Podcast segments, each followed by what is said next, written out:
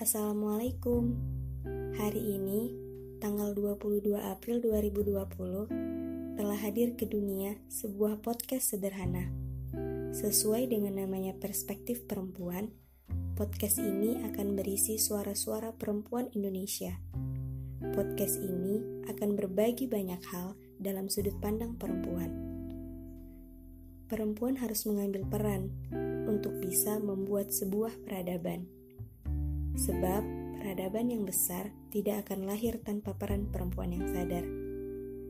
Semoga bermanfaat ya.